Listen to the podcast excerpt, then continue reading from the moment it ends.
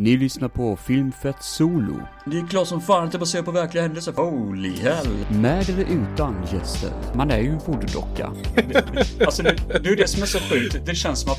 Eh, Till exempel fighten med ryssen. Det är, Ja, den är så underbar. jävla klockren. Jävla bra. Om ursprunget av Tomb Raider. Alltså jag var inte förberedd på det. Jag, jag var faktiskt rädd på riktigt. Filmfett Solo. Antingen jävligt cringe eller jävligt coolt. Ja, men goddagens, goddagens gott folk och hjärtligt välkomna tillbaka till Filmfett Solo. Och där hörde ni ju ett nytt intro till vår fina, eller min, fina lilla podd. Jag har faktiskt ingen aning hur fan det låter, för i skrivande stund, eller skrivande stund, vad fan, vad, vad fan tänker jag på? I pratande stund så är den faktiskt inte klar. Nej, men anledningen är faktiskt det att eh, jag har en idé vad jag ska göra, men jag har inte hittat musiken riktigt som behövs. Det enda jag vet är att musiken kommer göras av en snubbe som heter White Bat Audio. Och ni kan kolla in hans YouTube-kanal på eh, youtube.se. Och eh, även kallad youtube.com, den lilla flugan som existerat nu i några år. Eh, I alla fall, så det var lite kul eh, grej. Nu är vi inne på avsnitt typ 13 eller något så det var fan med på tiden att du fick ett intro till Filmfett Solo känner jag. Skitsamma, nu kör vi vidare med riktiga goa grejer, för idag så ska vi snacka om ett riktigt gött tema. Eh, för det första så måste jag be om ursäkt om ni hör en knarrande konstig stol, för jag sitter på den skönaste jävla stolen jag har i lägenheten, men den knarrar så in i helvete ibland. Eh, min lilla kontorstol, för eh, det gör ont i ryggen att sitta på annan B-aktig stol. Eh, man vill ju sitta bekvämt när man snackar med er, för annars så ja, sitter jag som att jag har en pinne uppkörd i röven och det är inte världens roligaste upplevelse, så att säga. I alla fall, idag, i dagens tema ska vi snacka om nattfilmer. Det vill säga filmer som passar skitbra att se mitt i natten. Jag har en del fina titlar framför mig just nu som jag kommer gå igenom. Det är en, två, tre, fyra, fem, sex filmer. Och eh, vissa kommer kanske bara röra lite snabbt och bara berätta varför det passar gött att se på natten och sådär liksom. För det, det är troligtvis filmer jag kommer snacka om i ett annat framtida avsnitt. Och vissa filmer kommer kanske lägga lite mer tid och energi på. I alla fall, innan dess så ska vi snacka om lite annan good shit som händer i livet. Det är ju trots allt sommar, fortfarande. Tro det eller ej. Jag sitter nu i min varma lägenhet, håller på att steka sönder. Nästa mm, vecka så ska jag ha semester, vilket är eh, så jävla gött. Fy fan vad skönt det ska vara. Um, och jag har gjort lite sån här, en liten lista faktiskt som hänger på kylskåpsdörren. Så eh, jag har lite grejer på G. Så jag inte blir alldeles för uttråkad. Uh, så det ser man ju fram emot, det kommer vara spännande som fan. Um, nu till helgen, i inspelande läge i alla fall, så kommer jag vara med på en liten fest i Jönköping. Första gången jag är på fest sen typ nyår. Alltså en större fest om man säger så. Med gött gäng. Marcus, eh, som jag deläger Filmfett med, vår hemsida då, filmfett.se. Han kommer vara där, och det är gött som fan, för det var länge sedan jag träffade honom. Det var typ halloween förra året tror jag, vilket är helt jävla stört. Alldeles för sällan man träffar honom tyvärr. Det är synd att man bor så långt ifrån varandra, men jävla skön snubbe faktiskt. Så det kommer vara skitkul att träffa honom. Eh, nu när det är så varmt och gött ute så brukar vi ute och gå i skogen. Eh, ganska mycket i naturreservat, för jag tycker det är gött som fan att vara ute och röra på fläsket i naturreservatet. Eller alla områden runt omkring. Det är ju fin natur här vi har i Sverige. Och jag känner mig mer och mer som han eh, Ernst Kirchsteiger. Vilket också får mig att fundera lite grann, är inte han typ en seriemördare? Jag menar egentligen, alltså alla säger typ det att ah, Ernst Kirchsteiger är så jäkla lugn och behaglig så han måste ju fan ha dödat någon. Och jag är helt hundra på det, han måste ha varit en eh, riktig jävel back in the day alltså. Det, han har säkert gjort något riktigt jävla skumt, har typ världens största skelett eh, begravt i garderoben, alltså helt hundra på det. Eh, om jag är eh, lika farlig som honom eller inte, det får ni själva bedöma. Det är jag säkert psykopat innerst inne. Eh, eller så, eller så är det så himla ytterst ytte, yttre, eller vad fan man ska säga. Så att eh, jag knappast ens märker av det. Um, lite lustiga historia faktiskt. Jag var ute och gick nu i Oskarström um, häromdagen. Gick ut en liten runda. Och eh, så gick jag förbi ett hus och jag tyckte det var fan vad det låter från det här huset. Det var någon snubbe som stod och skrek i en telefon. Men så tänkte jag, åh, intressant. Här kommer han säkert kasta en tegelsten rakt i skallen på mig bara för att jag går förbi. Tänkte jag, att han är säkert full och äcklig. Men nej, det var faktiskt ett breakup som han hade via telefon då, eh, med sin tjej då. Och man hörde det att han typ liksom, du och den här killen kan dra åt helvete typ, så man insåg att okej, okay, det har varit någon sån här eh, trekantshistoria troligtvis, som har, eh, något drama där som man kanske ska undvika, helt enkelt. Men det roliga med det här breakupet är det att personen som gjorde det här med själva breakupet då, alltså han, eh, han som stod och snackade, han såg ut som Chris R från filmen The Room. Nu är jag väldigt inne i den filmen. Jag älskar fan The Room, den är en av de roligaste filmer som finns på planeten jorden. Um, men det roliga faktiskt är att jag tyckte han var så jävla lik honom. Han hade på sig en stickad tröja, lite typ halvt skägg, stubb. Och jag kan fan svära på att han hade sån här, um, uh, alltså tröja utan ärmar på sig. Helt hundra på det. Och jag bara tänkte direkt, det är för fan Chris R från The Room. Var, det var jättekonstigt. Och sen det sjuka var också det att det stod en snubbe i grannhuset, typ på nedervåningen. Som stod typ i skuggan av ett träd. Det var typ på kvällen eller eftermiddagen där runt 6-7 någon gång tror jag. Han stod där, cigg i käften och stod liksom och rökte händerna i fickan och såg liksom sådär väldigt avkopplad och chill ut, som att han verkligen njöt av tystnaden. Um, hur mycket tystnad han fick det vet jag inte i och med att grannen stod där på balkongen och typ skrek i sin telefon. Men det var sådana kontraster att se grannen var skitförbannad um, och så ser man den andra killen som bara står nere och tar en cigg och bara njuter av tystnaden och lugnet typ i skuggan av ett träd. Det var så jävla skum scen. Um, verkligen uh, riktigt David Lynch-aktigt typ. Det är livet i Oskarström, mina damer och herrar. Och ni kanske undrar vad fan Oskarström är förresten? Ja, det är det samhället jag bor i. Uh, litet skitsamhälle. Um, man kör förbi det på typ tre minuter, tror jag. Uh, klassiskt svenskt samhälle som håller på att dö ut, typ. Eh, väldigt billigt att bo i lägenheten dock, och eh, det är gött som fan. Men samhället är ju förjävligt, det går inte att komma ifrån. Vi har konstigt nog, jag tror vi har en frisörsalong, tre stycken pizzerior, två butiker, och jag fattar inte varför, för det är inte någon jävel som bor här typ. Jag, jag begriper inte riktigt på hur det här kan gå ihop, men ja. Vem vet? Vem vet? Jag håller fortfarande på att gå igenom Miami Vice. Säsong två. Jag har en skiva kvar. Och jag tror det är tre avsnitt kvar på den skivan. Så eh, när det är klart så kommer jag garanterat att smäcka ihop ett fint avsnitt bestående av Miami Vice säsong 2. Det kommer vara riktigt nice. Faktiskt, jag ser fram emot det. Um, för jag har länge velat göra det, jag tycker om serien som fan. Och än så länge är säsong 2 lite roligare än säsong 1, för det händer lite olika saker som inte hände i ettan. Alltså sådär, det händer lite mer variation i säsong 2. Och varje avsnitt är ibland som en film, vare sig det är bra eller dåligt. Och det är alltid kul, det är alltid gött. En annan liten rolig sak är att jag köpt alla ingredienserna jag behöver till att göra en blåbärspaj. Men tydligen så håller inte blåbärspaj sådär jättelänge i kylen. Eller det kanske det gör, jag vet inte, men det, det, är jag som har fått för mig det. Och jag vill inte ha den liggandes i kylen över helgen, i och med att jag ska bort till Jönköping då. Eh, nu i, på lördag. Så eh, därför så kommer jag typ Eh, den, jag kommer låta ingredienserna vila lite för sig och sen när semestern börjar nästa vecka då jävlar smäcker jag ihop en blåbärspaj. Det kommer vara eh, gott deluxe. Jag har varit så jäkla sugen på blåbärspaj. Um, det är riktigt gott och det är faktiskt första gången jag ska baka ihop en sån. Så det blir väldigt spännande.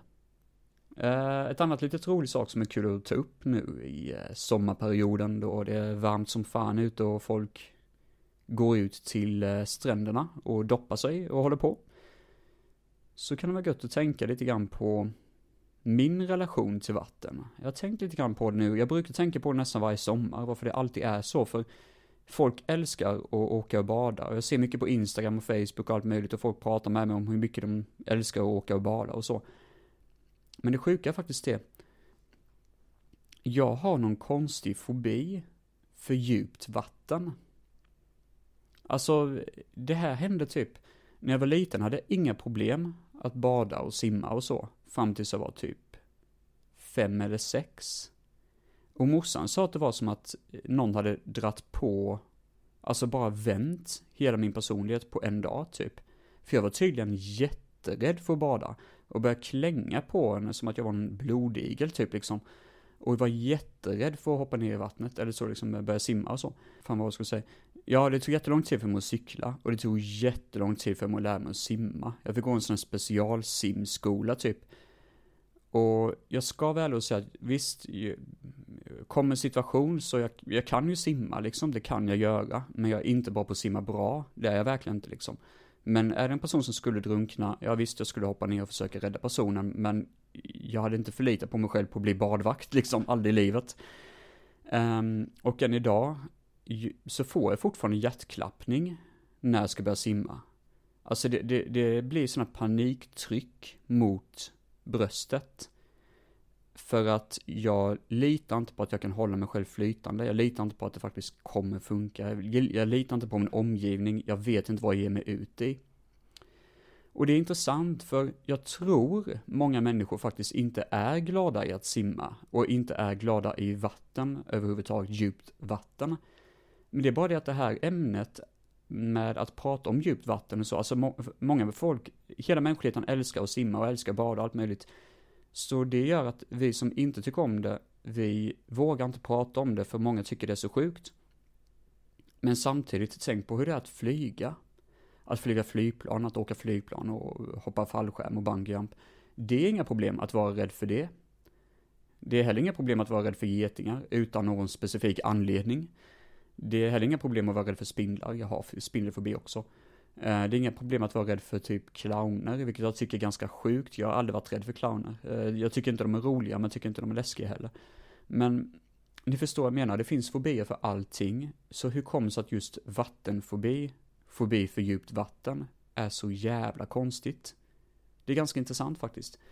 Men där fick ni lära, mig, eh, lära er lite nya grejer om mig, om att jag tydligen är jävligt dålig på att lära mig nya saker och sätta in mig i en situation där jag måste lära mig något nytt. Det tycker jag är intressant som fan att folk är rädda för att gå på torg. För jag brukar vara lite halvrädd för främlingar förr, men nu bryr jag mig inte ett skit om det. Tvärtom, jag är den mest sociala jäveln jag kommer träffa typ. För jag brukar vara mer social mot en person jag aldrig kommer träffa igen. För jag vet om att den personen, jag kan säga vad fan som helst, och den personen kan tycka att jag är en jävla idiot. Men jag kommer aldrig träffa personen igen, så jag behöver inte konfrontera människan om det. Så därför vågar jag bjuda mer på mig själv, vilket vanligtvis leder till att personen i fråga tycker jag är jävligt rolig. Mot min egna vilja troligtvis. Nej men alltså att, att den personen ser min charm. Och det gillar jag som fan. Jag vågar bjuda på mig själv mer. Men nu tycker jag vi dyker ner i det riktiga temat, där vi, vi ska snacka om film resten av avsnittet. Precis som det ska vara. Nu ska vi snacka om en film som absolut inte har någonting att göra med dagens tema, utan det är bara generellt en film som jag känner att den här vill jag snacka om. För det är en av filmerna som jag köpte på Boa Video. Blackbuster heter den. I svensk eh, utgåva i alla fall. Eh, den riktiga, eller, riktiga titeln är Konyonga Murder in Africa. Och eh, det här är ju en film som ljuger direkt på omslaget. För vi har två karaktärer som håller varsin, varsitt gevär. Jag kommer inte ihåg att det fanns ett enda gevär i hela filmen. Och så håller en, den ena snubben en ölflaska mot kameran. Den typen av ölflaska minns jag inte heller att den var med i filmen. Och den andra killen håller en dynamit mot kameran, eller mot oss. Jag minns inte alls att det var en dynamit med i filmen överhuvudtaget. De ser ut lite grann som de klassiska kultkaraktärerna Terence Hill och Bud Spencer. Jag kan ingenting om någon av dem Spencer and Hill. Men, ehm, ja. Det ska tydligen vara en knock-off av de här karaktärerna, vilket man alltså märker väldigt tydligt. Eh, vi ser också en luftballong som exploderar. Det händer i filmen, men ehm, vi får också se på omslaget hur två personer hoppar ut ur luftballongen. Det händer inte alls, utan de som skjuter sönder luftballongen gör det för att de tror att karaktär sitter i luftballongen, men det gör det inte. Så det är ju liksom fake. Vi ser ett flygplan som flyger mot kameran. Ja, det är något flygplan med någon gång i filmen tror jag, men eh, det är ingen actionscen i den vad jag minns. Vi ser en kvinna som blir strypt av en orm, en boaorm. Ja, det händer faktiskt. Um, nu ska vi se.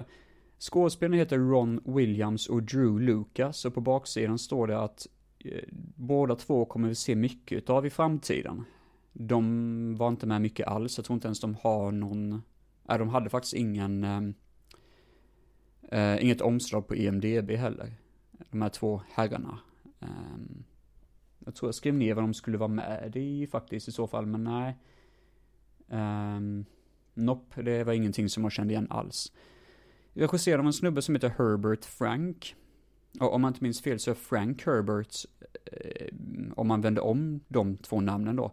Frank Herbert, har för mig, är snubben som skrev boken Dune.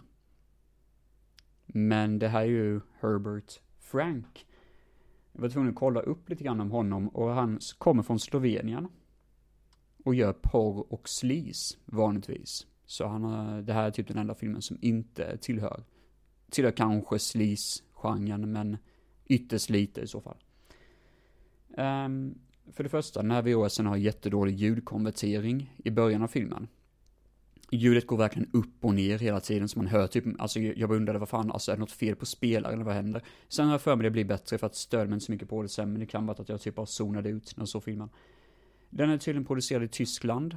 Um, jag vet inte om den är dubbad, det känns som att många scener är dubbade, men jag tror huvudrollsinnehavarna uh, faktiskt är amerikanare, tror jag.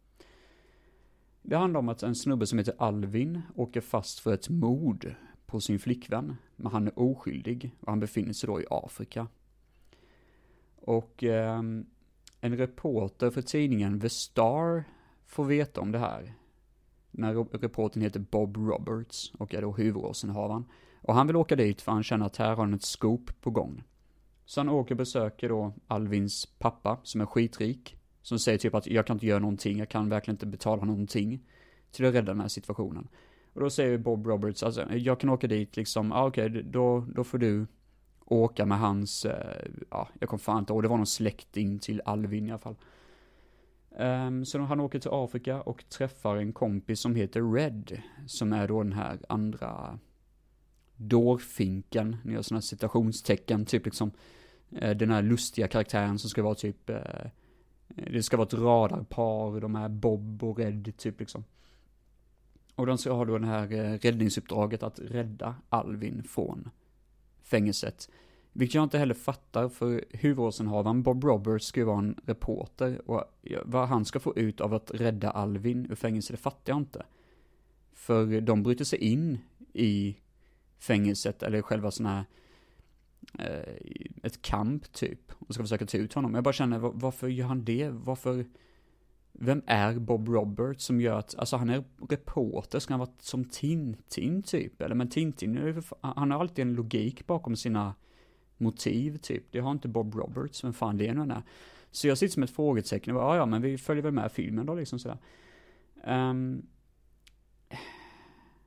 alltså, den här filmen är fulladdad av konstiga scener. Vissa skämt är väldigt stereotypiska och hemska. Och driver inte filmen framåt någonting alls. Och ibland så bara sitter jag och bara vill att skämtet ska sluta, som att huvudkaraktärerna klär sig typ i stereotypiska mm, afrikanska kläder och springer runt och låtsas typ att de är afrikanare. Och sen så har vi någon sån här, någon utav dem tar på sig en burka typ, ni vet såna här heltäckande kläder och låtsas vara en tjej och man bara, ja men det här är inte så kul typ liksom. Det som är gött på sätt och vis är att visst skämten finns där, men det är inte så störande som typ en sån här Eh, fan heter han, det är ju den här jobbiga komikern. Adam Sandler-film, det är inte så störande. Det är bara störande på det sättet att det är offensiv. Det är bara störande på det sättet att det blir tråkigt. Vi har sett det rätt många gånger förr och det håller inte idag, typ. Men filmen glider ändå på på ett sätt som är ganska... Mm, så alltså, det, det är inte en äckligt dålig komedi som typ Mindhorn och sånt. Utan en komedi som är, som bara inte lyckas, typ. Och det är ju ändå okej, okay, för man kan ändå se skiten. Jag hade kunnat se den igen utan att få migrän, till skillnad från typ den förra filmen då, Killing Cars, som var fan värdelös alltså. Det här är en film som man typ zonar ut något kopiöst över att kolla på. Det är inte en film som man typ känner att man inte hänger med i, utan det, det är en film som man känner att okej, okay, jag kan kolla lite på mobilen under tiden som man ser filmen, och det är inget bra tecken egentligen i slutändan. Nej, Blackbuster var ingen större succé, men den är miltals bättre i alla fall än Killing Cars som sagt var. Eh, men det var det om Blackbuster, även känd som Konyanga, Murder in Africa. Kolla inte upp den här filmen, det finns inget kul att säga om den, inget roligt på trivia på IMDB. Eh, överlag bara en ganska tråkig och intetsägande film. Så nu tycker jag vi hugger tag i dagens riktiga tema, det vill säga nattfilmer. Filmer som är skitsköna att se på natten. Och som sagt var, det finns 50 miljoner titlar där ute, det här är bara ett axplock som jag tänkt att de här vill jag prata om idag. Nu drar vi igång med en riktigt fin, rövkickande actionfilm som heter Streets of Fire.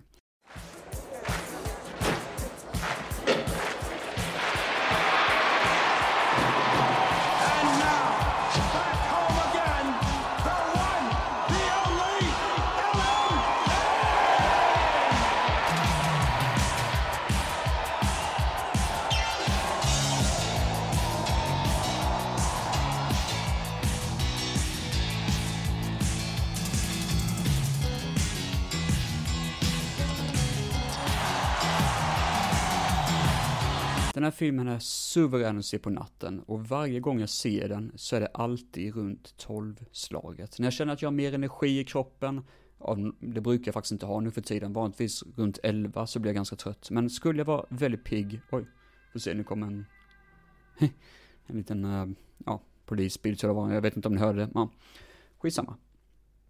Um, alltså även om jag skulle vara typ skittrött, runt 11-tiden. Så, alltså, vad jag menar är, jag brukar inte se Streets of Fire på eh, tidigare än typ 12 på natten. Walter Hill är regissören bakom den.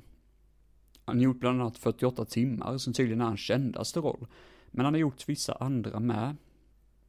Han har gjort någon, eh, eller några kanske till och med, eh, Arnold-filmer, Schwarzeneggers eh, rullar.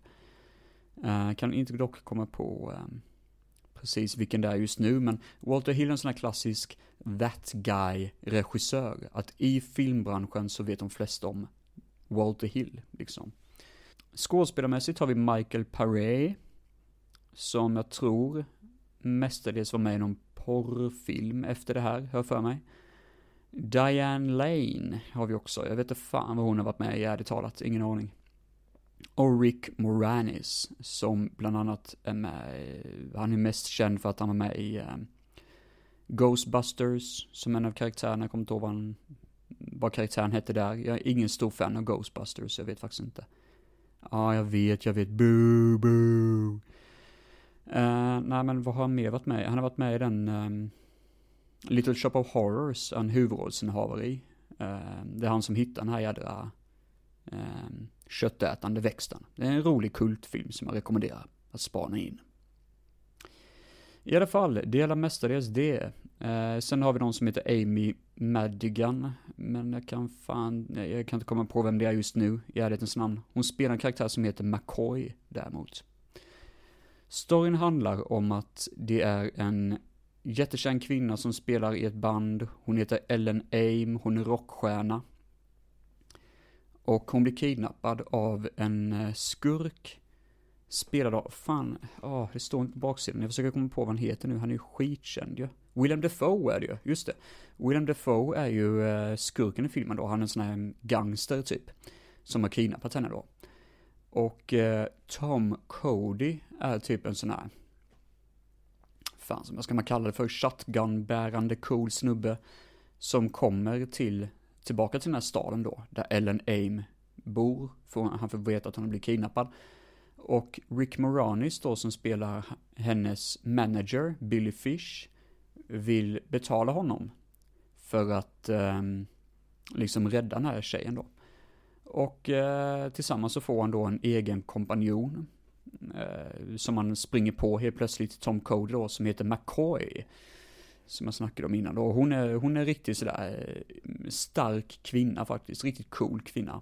Det är en klassisk actionfilm, de ska ta sig till det här samhället som de här gangstrarna styr, de ska spöa ditt röv och rädda Ellen Aim. Det är en ganska kort film, den är typ bara, eh, vad fan är den? Ja, den är en timme och 30 minuter. Jag trodde det skulle vara 1.20 någonting, eller 1.15, för det är sånt jävla röj i hela filmen så man blir aldrig trött på det. Det är jättebra musik, rock'n'roll musik genom hela filmen typ, eller rockmusik är det liksom. Um, och det är någon låt i slutet av filmen, jag tror det är slutet i alla fall, um, som till och med spelas på Star FM ibland. Jag bara tänkte när jag hörde den, vad fan är det inte den låten som är med i Streets of Fire? Men jag kan inte komma på vad den heter just nu bara för det. Men det är typ nice musik, det är nice miljö, det är action, det är rätt pampigt och det, det känns ganska mycket som en sån här musikal, bara det att de sjunger inte musikalnummer medans de bryter inte den väggen liksom, utan enda mus musikelementen är när hon står på scen och sjunger typ. Jag brukar alltid säga fel också, jag brukar kalla den för Streets of Rage av någon anledning, vilket är lite små komiskt tror jag. Eller kanske inte alls kul. Men, uh, nej men seriöst, uh, Streets of Rage, uh, eller Streets of Fire, jättebra film. Um, det slutar också en riktigt cool fläskig fight mellan Willem Dafoe och då eh, Tom Cody. Där de till och med har släggor som de liksom sådär eh, ska försöka slå varandra med mitt på gatan. Ja, det, det är coolt faktiskt. En cool, rövkickande actionfilm. Eh, klassisk film liksom. Och det står så här på baksidan, som regissören Walter Hill uttryckte sig, gängledare rövar bort skönhetsdrottning och den snälle killen kommer till hennes undsättning. Allt i tonerna av dagens stor, största rockstjärnor. Ja, jag gillar det, det, det, är, det är god film liksom. Skön rullat med spana in. Streets of Fire. Riktigt fin nattrulle. Nästa film är en film som jag hittade på en um, eh, vad fan heter det, inte ett köpcenter, det är ett, eh, en marknad för jättelänge sedan. Jag tror det kan ha varit 2011 eller 2012 eller något sånt. Um, jag var ute och kollade lite grann där, det fanns lite marknadsstånd med lite filmer som man säljer och sådär. Och så hittade jag en film som jag bara tänkte, mm, det är någonting med den som gör att jag vill plocka upp den. Och jag tror det var namnet Jennifer Connelly. Jag pratar såklart om Dark City. Och um, det här omslaget är skitfult. Vi har en person som typ skriker mot skyn i en uppenbart CGI-byggd värld. Ehm, alla byggnader runt omkring honom ser alldeles för, alltså för små ut, så eh, själva omslaget är skitfult. Det är DVD-omslaget eh, då. Eh, och så hela filmen står typ på danska, så jag fattar inte riktigt storyn när jag läser den. Men i alla fall, filmen är gjord av Alex Proyas. Det är han som gjorde um, The Crow, bland annat. Good shit. Jag har aldrig riktigt älskat The Crow, men jag tyckt om looken på den. Och jag tänkte, okej, okay, en sci-fi-film som utspelar sig i ungefär samma look, det kan vara ganska coolt liksom. Vi har faktiskt Richard O'Brien också med som en brittisk skådespelare och Ian Richardson. Um, också som är med i filmen, om det nämner några namn. Eller om det väcker några eh, sådär. I alla fall, filmen utspelar sig i en mörk stad. Genom hela filmen har vi typ ingen sol överhuvudtaget. En person som vaknar upp utan minne av vem man är, eh, på ett hotellrum, upptäcker att han har en liten blodfläck i pannan. Men det är typ allt han märker av, han är helt naken också. Han tar på sig de få kläder som finns i hotellrummet och inser att det ligger ett lik i hans hotellrum. Uh, han får telefonsamtal av en väldigt enigmatisk karaktär, spelad av Kiefer Sutherland, som säger till honom att bara fly från platsen, vilket han gör. Och på vägen nu så ser han typ mystiska män som bär hattar och är väldigt bleka och typ trenchcoats på sig. Um, och eh, det är typ allt han vet innan han sticker därifrån. Och det är så filmen börjar, det är det som är knall, alltså startskottet på filmen då. Resten av filmen utspelar sig i den här staden, hela filmen, och det är fortfarande nattsvart genom hela filmen. Han försöker fly, ta reda på det som händer. Det är snabbt, alltså det går rappt hela tiden. Polisen jagar honom för mordet på den här kvinnan och en rad andra mord. Som tydligen har hänt i staden. Som han inte ens vet om han har gjort.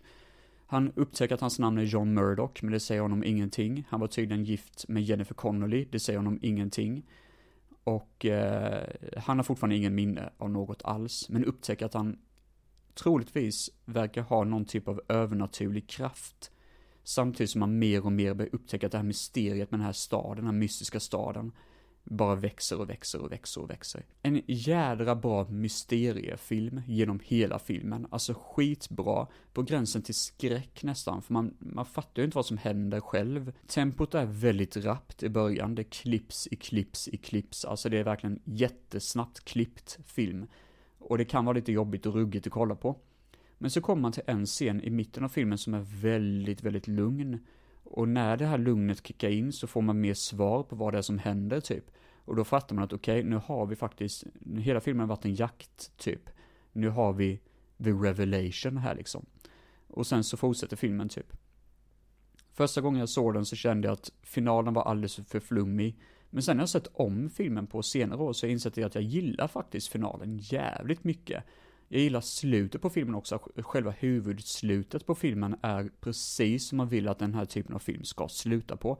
Eh, det vill säga, det är därför jag älskar science fiction, för de kan vara så jävla bra på att göra någonting som sticker ut ur mängden, så att säga. Ja, men det är god musik, det är bra skådespelare, det är bra karaktärer. Jag tycker Rufus Sevel, som, jag har tyvärr bara inte, jag har inte sett han i så många filmer tyvärr. Han har varit med i ganska många indiefilmer och sånt. Eh, men han var också med i den, eh, en riddares historia tror hon heter. Han spelar typ skurk i den filmen. Um, annars har jag inte sett honom så mycket annat. Han är mest känd, tydligen, för Dark City. Men varför passar den här filmen bra på natten? Jo, för det är ju en jättebra mysteriefilm som bara utspelar sig på natten och det får en att tänka och ryckas med i, ett, i en rytm. Men helt plötsligt när man får reda på vad som händer typ och allting, så är det verkligen jättebra utveckling. Många drar paralleller mellan den här filmen och The Matrix, vilket jag förstår, för The Matrix kom typ året efter tror jag. Eller spelas in året efter för mig. Eh, I samma arbets, alltså i samma stad också, de använde samma rekvisita och så. Men den var ju mycket mer tekniskt utvecklad och hade bättre action typ. Däremot så föredrar jag alltid eh, Dark City för den förlitar sig mindre på stil på samma sätt. Den, den har en annan stil typ och lite mer detektivhistoria vilket jag uppskattar mer än renroda, alltså renodlad action med alldeles för mycket eh, fokus på flummig dialog, typ liksom. Som jag tycker The Matrix är, tycker fan inte de håller överhuvudtaget, jag tycker de är jättedåliga. Dark City är mycket, mycket, mycket, mycket bättre och jag totalt rekommenderar det. I heard gunshots and, and, and then someone else got on the line. And I, and I said, hey, hey, hey, hey, is this a joke? And, and all he said was, um, forget everything you just heard and go back to sleep. I knew they'd do some stupid shit like this one day. I knew it, but they're gonna get me when I pass out. Hey! Miracle Mile.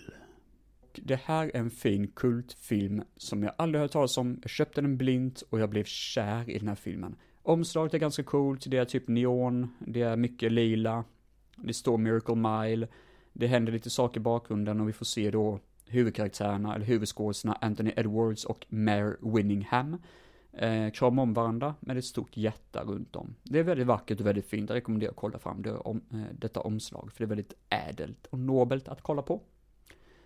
Storyn då? Jo, Harry är en, eh, spelare av Anton Edwards, är en helt vanlig snubbe som träffar en ung tjej som heter Julie, som spelas av Mare Winningham.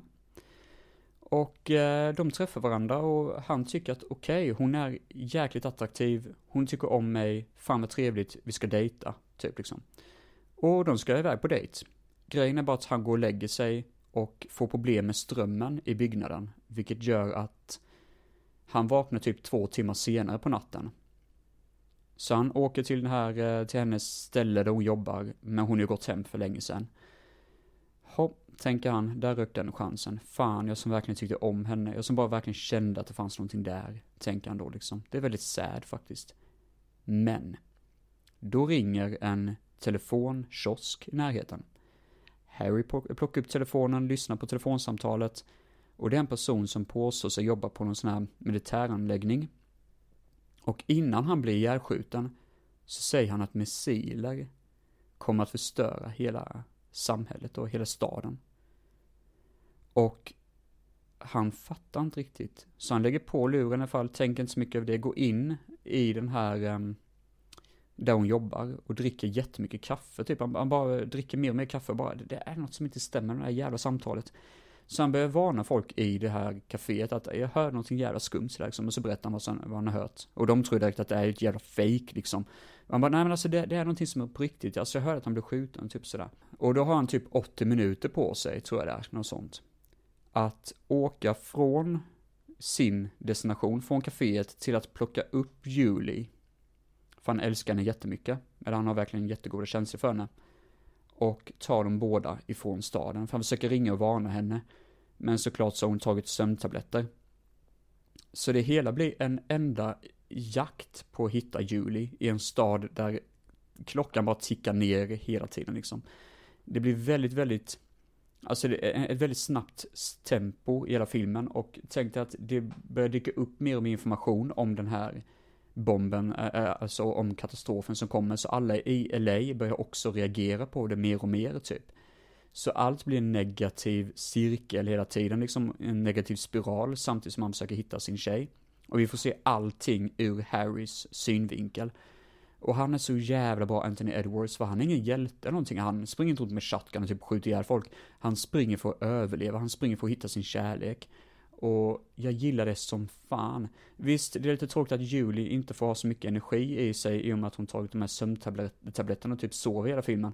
Men det är ändå jävla gött det vi får se. Och det är svettigt som fan. Samtidigt som vi har ett otroligt bra soundtrack av Tangerine Dreams. Det är typ deras bästa soundtrack enligt mig på Miracle Mile. Som är verkligen liksom som en tickande bomb hela tiden. Det låter verkligen liksom intensiteten lever genom hela filmen typ. Och då är det ändå inte så mycket action som händer utan de mest bara den här känslan av att shit, allt det här kommer förstöras inom bara typ en halvtimme känns som. Filmen eh, regisseras tydligen av en snubbe som heter, jag kan knappast prata, en snubbe som heter Steve de Jarnat. Och han gjorde Cherry 2000, som jag faktiskt aldrig har sett, men jag tror det är lite mer B-actionfilm i ärlighetens namn. Äh, den här filmen är skitbra, det är fem av fem för mig. Vissa tycker inte om den. Uh, Joel, som jag startade Filmfett tillsammans med för hundra år sedan, han tycker inte om den här filmen, han tycker inte den var bra. Men både jag och Marcus tok älskar den och eh, fan, vi hyllar den här som att det är en gud typ. Det är så kul att se sådana gömda diamanter som man bara inte tror ska, ska dyka upp, som bara dyker upp från ingenstans helt plötsligt. Det är jävla nice. Riktigt nice. Det var i alla fall Miracle Mile, och då tycker jag vi drar vidare med ytterligare en film vars soundtrack kommer från Tangerine Dream.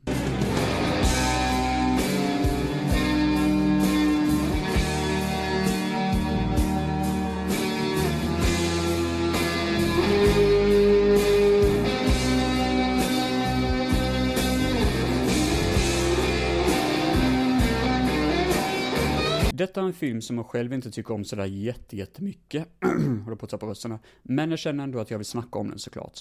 Uh, för det är en film med James Caan, det är en film av Michael Mann. Filmen heter Thief. Och för det första måste jag nämna omslaget. Vi har en diamant och i diamantens skärvor så ser vi typ lite bilder från filmen. Diamanten är blå, bakgrunden är svart. Det står Thief under. Det är simpelt, det är klockrent, det är faktiskt jävligt snyggt omslag. Det är aerovideo-utgåva. I alla fall, den här filmen handlar om en tjuv som heter Frank. Som har eh, varit inlåst på finkan tidigare, i typ 10 år, tror han säger, eller sånt. Han vill ta det lite lugnt med sin flickvän. Och starta en familj. Han har precis träffat en ny tjej. Problemet är bara det att han håller på med en sista deal inom diamantstölder helt enkelt. Men grejen är att, ja alltså han har någonting som man kallas för ett fens. Jag har för mig det är typ en väska med pengar, eller hur fan det var. Jag kommer faktiskt inte ihåg hur fan det var i den här filmen ärligt talat. Men det var någonting med att han hade en säker utväg. Men den utvägen försvann väldigt, väldigt snabbt. Vilket gör att han måste göra en sista deal. Um, och Chicago-maffian dyker upp. Han inser att mm, hans, hem, alltså hans liv som tjuv har blivit mer invecklat och han måste verkligen göra en sista deal. Um, vi får se James Belushi. Vi får se Robert Prosky. Som jag faktiskt tror jag såg igår, ärligt talat. Ja, fan, han var med i, fan vad lustigt. Robert Prosky var med i um, Christine, som jag såg igår, av John Carpenter. Det var lite lustigt, jag tyckte jag kände igen det namnet. Vi får se Welly Nelson, och en snubbe som heter Dennis Farina, men det vet jag faktiskt inte vem det är som är det. Och eh, såklart då ehm, um, Tangerine Dream. och regisserad av Michael Mann som var en av producenterna bakom eh, eh den fantastiska eh, tv-serien Miami Vice. Den här filmen har mer fokus på drama. Det är mer fokus på karaktären Frank och han har faktiskt en jävligt bra dialog när han sitter i ett café och pratar med sin flickvän som typ inte är sådär superintresserad av egentligen dejta honom, men så får hon, hö hon höra hans tal då. Han berättade att han har suttit tio år i fängelse, han är jävligt trött på det, han är jävligt less på att leva ett fejkat liv. Han vill bara lyckas med någonting, för han säger att tio år är, det, det är en stor del av livet liksom. Att sitta i finkan. Och um, även om man fortsätter, även om man vill fortsätta vara diamanttjuv allt möjligt, så säger han typ det att det, det är typ inte värt det i slutändan, för det, eh, alltså sådär. Och han säger att visst, vi kanske ruschar oss in genom att gifta oss väldigt snabbt och sådär, men kan vi inte bara låtsas att vi är lyckliga för typ fem minuter istället för att bara skita i det, typ. Lite så den mentaliteten som man har. Och jag gillar ändå det, på sätt och vis. Det är något gött och något äkta i det han säger, den här Frank. Eh, den här eh, James Kahns karaktär.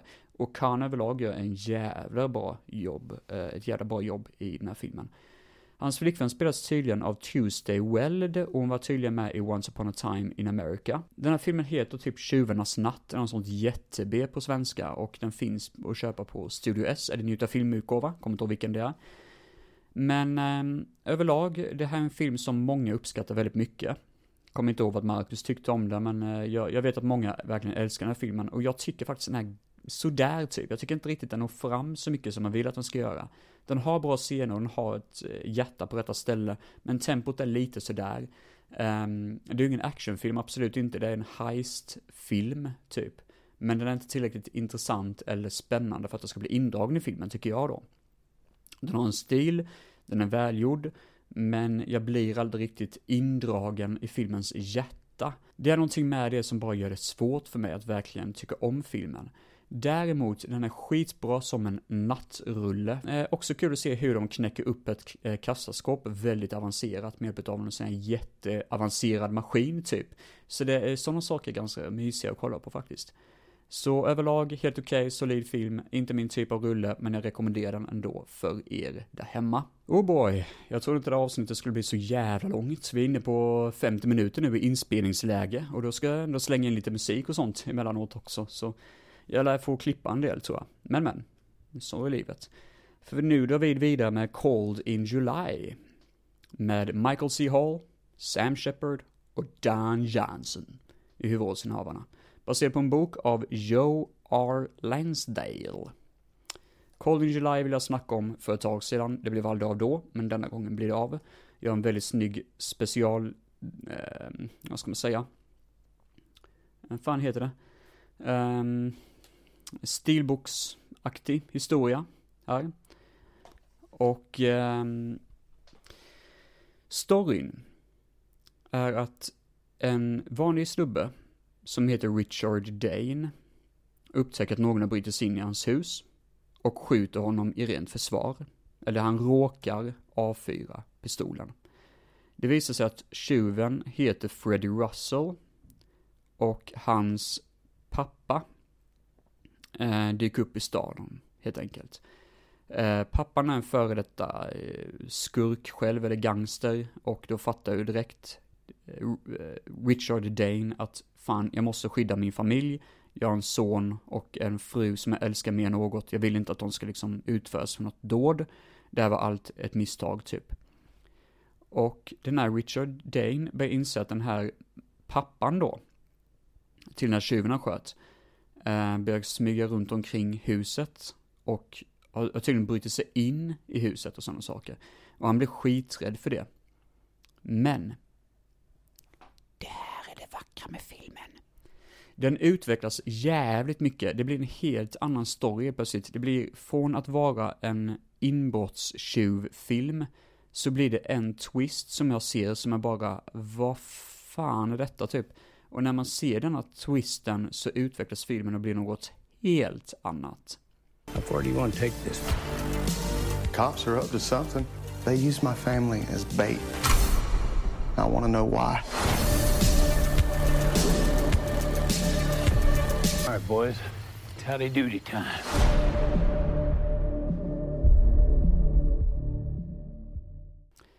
Michael C. Hall spelar ju den här eh, normala pappan som bara vill få se svaret på mysteriet. Han vill bara lösa allting för han tycker inte, han, han står för en typ av rättvisa i kroppen. Han har en känsla av rättvisa. Han, han har berättat det för sin son många gånger att är man en god människa så ska allting lösa sig och bla bla bla. Men när han ser någonting som inte är rättvist eller gott så börjar han själv undra vad fan han ska göra typ. Och eh, han är den klassiska ledarhistor- eh, ledarkaraktären i filmen och skön att följa. Hans pappa var tydligen också en polis i den här storyn, så det 'makes sense varför han beter sig som han gör.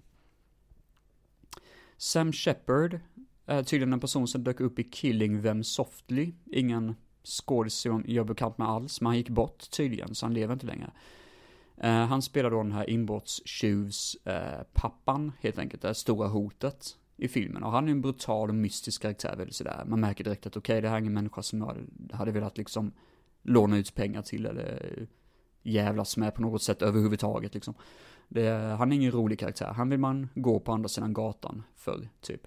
Men han är hård som fan. Och sen då Don Johnson, yes. Eh, den underbara Don Johnson från eh, Miami Vice och liknande sköna titlar som dyker upp då. Eh, som, eh, han dyker upp som typ en, vad ska man säga, alltså, han är typ en ganska komisk karaktär, för han slåss fult, han typ sparkar folk i ballarna och allt möjligt, och han, um, han är bara en lustig social ostbåge, kan man säga. Um, går inte riktigt att förklara hans beteende. Jävla mysko snubbe alltså. Mysko på det sättet att man vill typ umgås med honom. För han är lite grann som Jack Burton, socialt inkapabel till det mesta. Men uh, han är ändå liksom en god uh, eh, jävel. Komisk, men ändå inte för komisk. Så det känns lite som den här bröderna Coen-humor över honom. Och det är nice, för Don Johnson har jag aldrig sett som en snubbe som kan spela så subtilt. Men jag tror fan detta är en av de bästa rollerna han har gjort. Sedan, um, ja, Forever tror jag faktiskt. Fan, nu när jag snackar om det, jag är nästan helt hundra på att jag pratat om den här filmen innan. Men jag, eh, jag får fan se det, annars får jag klippa bort det. Nej, men det är en nice film faktiskt. Cold in July. Eh, riktigt eh, god rulle, faktiskt. Så tycker ni om John Carpenter, Quentin Tarantino och Coen-bröderna så kommer ni älska Cold in July. Står på baksidan av filmen. John Carpenter vet fan. Jag, jag, jag känner ingen vibb av John Carpenter i den här filmen. Quentin Tarantino, ja visst. Och Coen-bröderna, ja men det skulle jag säga. Så jag, det är kanske att det är synt soundtrack som jag att folk säger då John Carpenter, men att de drar paralleller till honom direkt tycker jag är lite löjligt. Ja, ja. Nu har jag snackat om den här filmen tillräckligt mycket och då drar vi igång med den sista filmen för dagen. Och det är faktiskt John Carpenters The Fog. Now there's a celebration planned for tonight.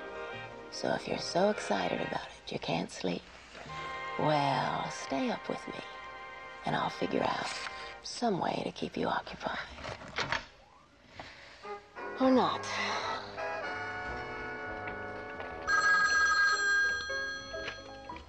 Hey, B. Hi, sweetheart. Hi, Dan. What have you got? Well, I'm just calling to see if you're uh, lonely, if there's anything I can do about it. Never lonely, Dan. I thought you were off work at 8. I changed shifts so I can make it to the big party tonight. Will you be there? Well, until I can talk someone else into giving up city life for Antonio Bay, I'm it. Jag glömde ju säga varför ni skulle se den här underbara filmen eh, Cold in July på natten. Men jag tror anledningen är att tempot är nice, den är mystisk och intressant, men den utvecklas på ett sätt som gör att man håller sig alltid vaken, man blir aldrig trött på det. Det är bra drama, det är bra mellanakt och det är jättebra final, som faktiskt är ganska cool shootout också. Så där fick ni svar på det. Men The Fog, denna underbara gyllene film. Eh, jag köpte en Blu-ray-utgåva av denna rysare. Eh, sam, dagen efter att jag hade sett John Carpenter uppträda i Malmö. Och jag har faktiskt skrivit ner vilken dag det var, eller vilket datum. Det var 2016 09.01, dagen efter John Carpenter-konserten i Malmö. Jag har skrivit här i själva, eh, på en liten lapp i själva förpackningen.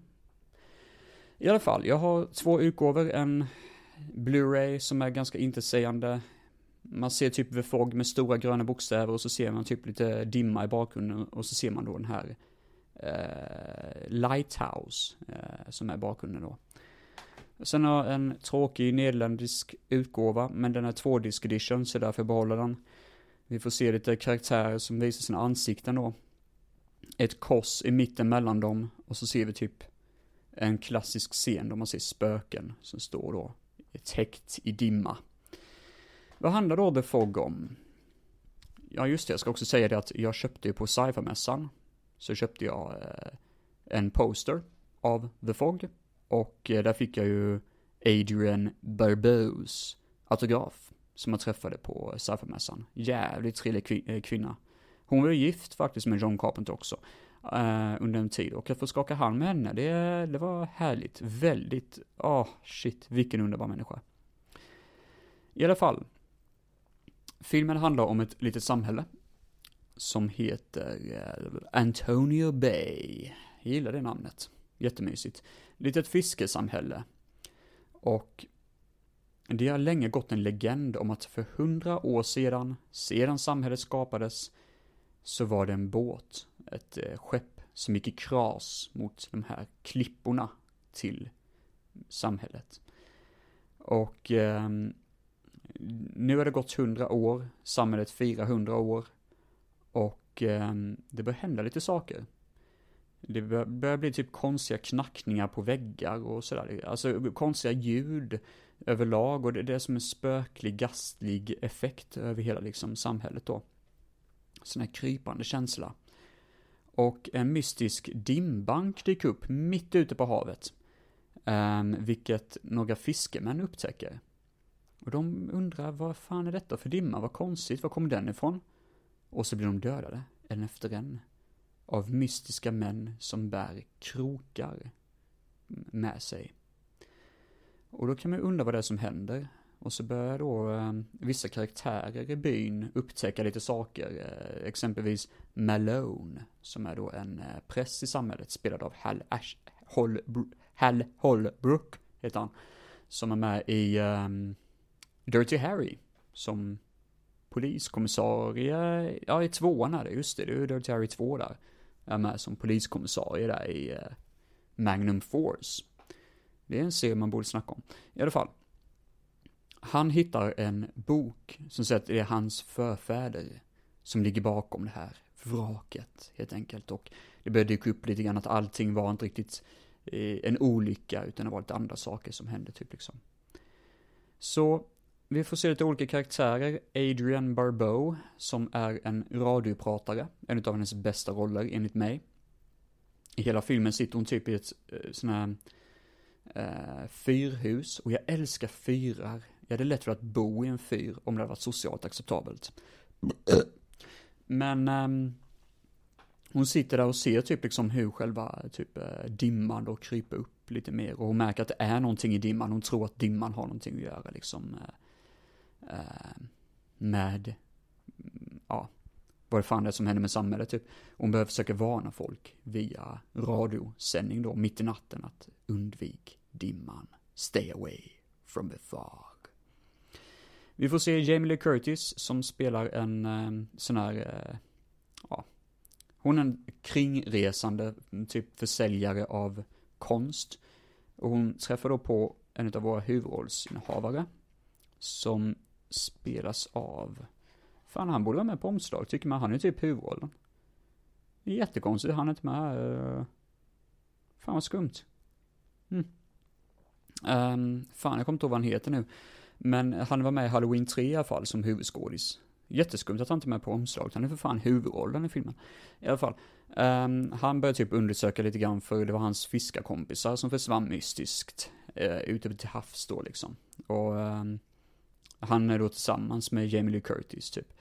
Vi har John Houseman, som heter en klassisk eh, kultskådis, eh, som jag tyvärr inte är så bekant med, men John Carpenter älskade honom och tyckte att det var fantastiskt att få jobba med honom. Och Janet Lee, som är Jamie Lee Curtis mamma, faktiskt. Och det var också hon som eh, var en av karaktärerna som var med i Psycho.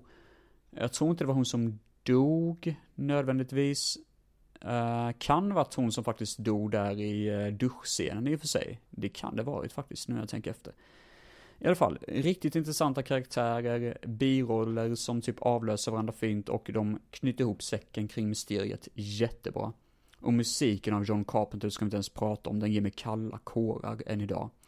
Jag såg filmen första gången jag var ganska ung, eller ja, gick i gymnasiet i alla fall. Och jag var faktiskt mörkrädd efteråt, alltså jag var faktiskt rädd för dimman efteråt, för jag kände fan det, dimman är rätt creepy ändå liksom. Och eh, jag är helt ensam då med, så tyckte jag bara, oh, det var lite ruggigt att se den filmen faktiskt. Eh, och så har jag sett den eh, nu nu efterhand med några vänner efter sci-fi-mässan, den dagen då jag fick då hennes autograf. Och det var så jävla gött, vi var tre stycken som såg filmen tillsammans. Och det var så nice för ingen av oss somnade, alla av oss var liksom hela tiden on the edge när man såg filmen. Och det, det var typ nice, vi, vi snackade om det fortfarande, att ja just det, minns ni när vi sov i Fog? Fan vad mysig den var liksom sådär. Det, det, det, det är en helt, hur en film kan ha ett sånt långsamt tempo som den här filmen faktiskt har, den är ju krypande genom hela filmen, men ändå vara så otroligt givande, det fattar inte jag. Det är eh, i sig en otroligt magisk bedrift. While I play this song from the Coupe de Villes, dedicated just to you. Boy, would I like to meet her. I saw her at a grocery store one day. And? You would like to meet her. She's crazy. There's no fog bank out there. What do you know about her? She owns that lighthouse. I know that. Her son plays Little League with my kid brother. She's a mother? I thought you were happily married. Not that happy. No fog bank out there.